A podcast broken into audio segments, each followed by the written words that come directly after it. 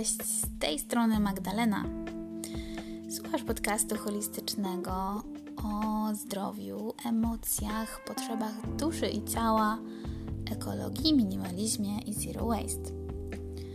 W dzisiejszym podcaście bardzo chcę Wam opowiedzieć, bardzo chcę Tobie opowiedzieć, um,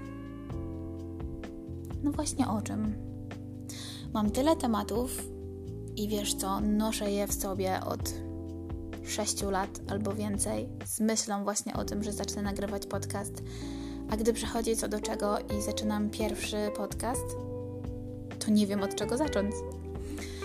A może zacznę od czegoś, co jest we mnie teraz e, najbardziej żywe, bo chcę też traktować ten podcast w taki sposób, że to, co się u mnie dzieje, to, co ja przerabiam, i co odkrywam, chcę się dzielić właśnie z Tobą tym.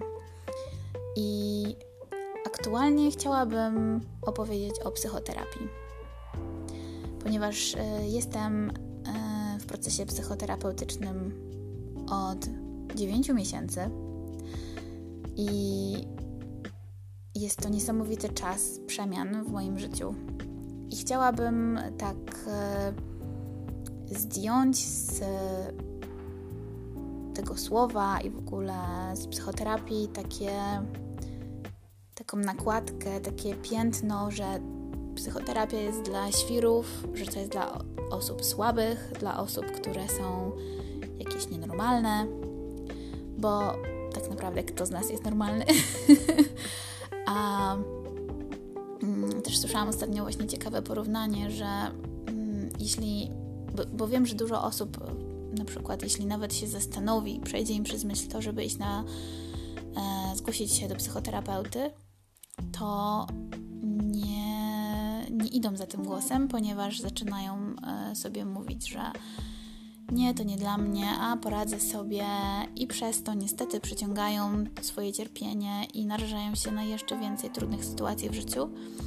E, i myślą, że mogą sobie z tym poradzić, a tak naprawdę, zobacz, nie jesteśmy w ogóle przygotowani emocjonalnie do naszego dorosłego życia. Takie mam wrażenie, że ok, w szkole przygotowują nas e, matematycznie, językowo, e, ale nie, na przykład nie przygotowują nas do tego, jak się komunikować w odpowiedni sposób z ludźmi. Nie przygotowują nas do tego, jak e, komunikować się w kłótni, jak e, szukać rozwiązań wspólnie, jak szukać rozwiązań samemu. Nie mamy takiego przygotowania emocjonalnego do radzenia sobie z wieloma sytuacjami w życiu.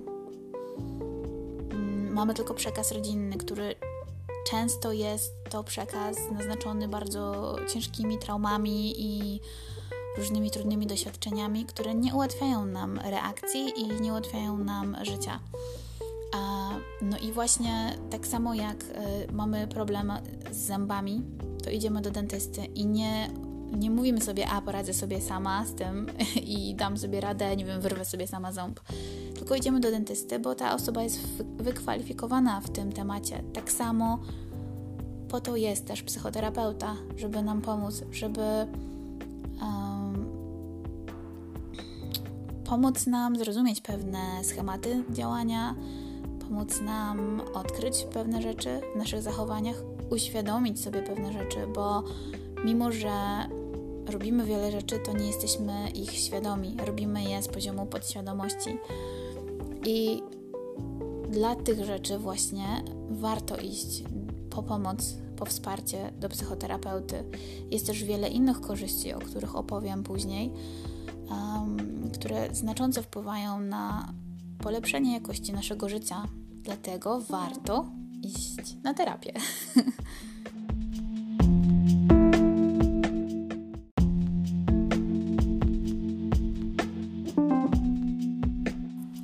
Zatem, jeśli interesuje Cię temat psychoterapii, to daj mi znać i powiedz, jaki temat jest dla Ciebie ważny, jaki temat, z jakim tematem się borykasz i na jaki temat chciałbyś, chciałabyś uzyskać odpowiedź, żeby to ułatwiło Ci decyzję o podjęciu właśnie decyzji o psychoterapii. Bo myślę, że wielu z nas bardzo długo się zastanawia, nad tym, żeby w ogóle podjąć taką decyzję. Ja miałam kilka podejść i też patrząc z perspektywy czasu, mm, trochę żałuję, że nie zaczęłam tego wcześniej, ale wiem, że wcześniej nie byłam gotowa. Aczkolwiek, jeśli jesteśmy w stanie się na to otworzyć, na taką formę wsparcia, to uważam, że im wcześniej, tym lepiej.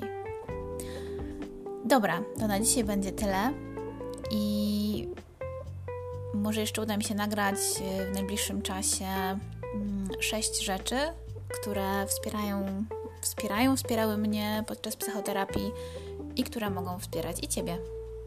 Także do następnego.